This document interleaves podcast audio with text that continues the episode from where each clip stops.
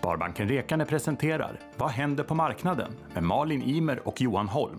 Första avsnittet efter en lång och skön sommar. Hej Johan! Hej Malin! Har du haft det bra? Det tycker jag. Sommaren har varit lite kort, men så är det ju alltid. Så kan det vara. Ja, Är du redo att köra igång igen? nu kör vi. Bra! Om vi ska börja med en recap. Eh, vad har hänt över sommaren och sist vi sågs?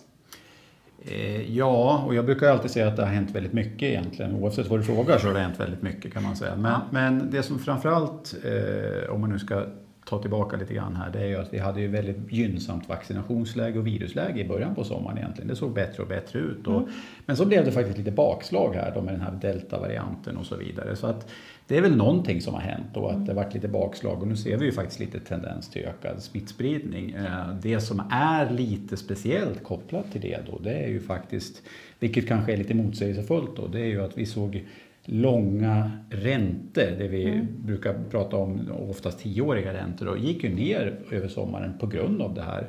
Och det här var faktiskt gynnsamt för börsen, så att den svenska börsen gick bra över sommaren. Så att det här är lite motsägelsefullt, men det är faktiskt det som, som inträffade. Eh, man pratade också mycket om inflationen och vad centralbankerna eh, hade gjort men också vad de planerar att göra. Eh, hur ser vi på det nu framåtriktat? Och samtidigt som du pratar lite kring det kan du väl också förklara begreppet tapering som man pratar en hel del om just nu? Ja, precis. Det är väl i finans och makrovärlden är det väl nästan inordet just nu med tapering. Man funderar på vad som kommer hända där. Men det är riktigt. eh, Vi hade stigande inflation under våren. Den tendensen fortsätter kan man väl säga. Framförallt i USA där man har haft i princip en inflation i över 4-5 procent här ganska många månader på raken. Så att det blir väldigt intressant att se vad, hur utvecklingen under hösten kommer vara i USA. I Sverige har inflationen varit lägre, dock faktiskt tillfälligtvis över då Riksbankens mål på 2% Så att det är också lite spännande att se. Många säger ju att det här kommer vara en tillfällig effekt och det kommer gå ner under hösten, vintern här. Eh, Men ju längre inflationen är över eh, centralbankernas mål, eh, desto mer pratar man om det här tapering då som du var inne på. Och det det egentligen handlar om det är att eh, stimulansåtgärder, framförallt obligationsköp som centralbankerna har kört igång efter coronakrisen och så vidare, att man börjar dra tillbaka det lite grann.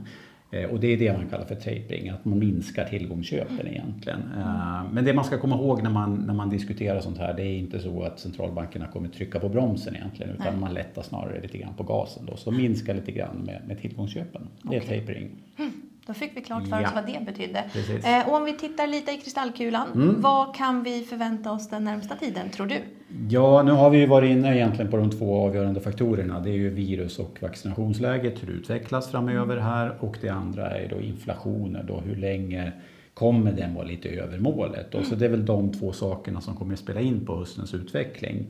Eh, men allt annat lika, om man, om man bortser från dem så kan man säga att eh, konjunkturen återhämtar sig ganska bra trots allt eh, och tillgångsköpen fortsätter då även om det kanske blir något, något lägre takt. Och, så att tittar man för aktiemarknadens skull så tror jag att vi lever i en hyggligt gynnsam värld.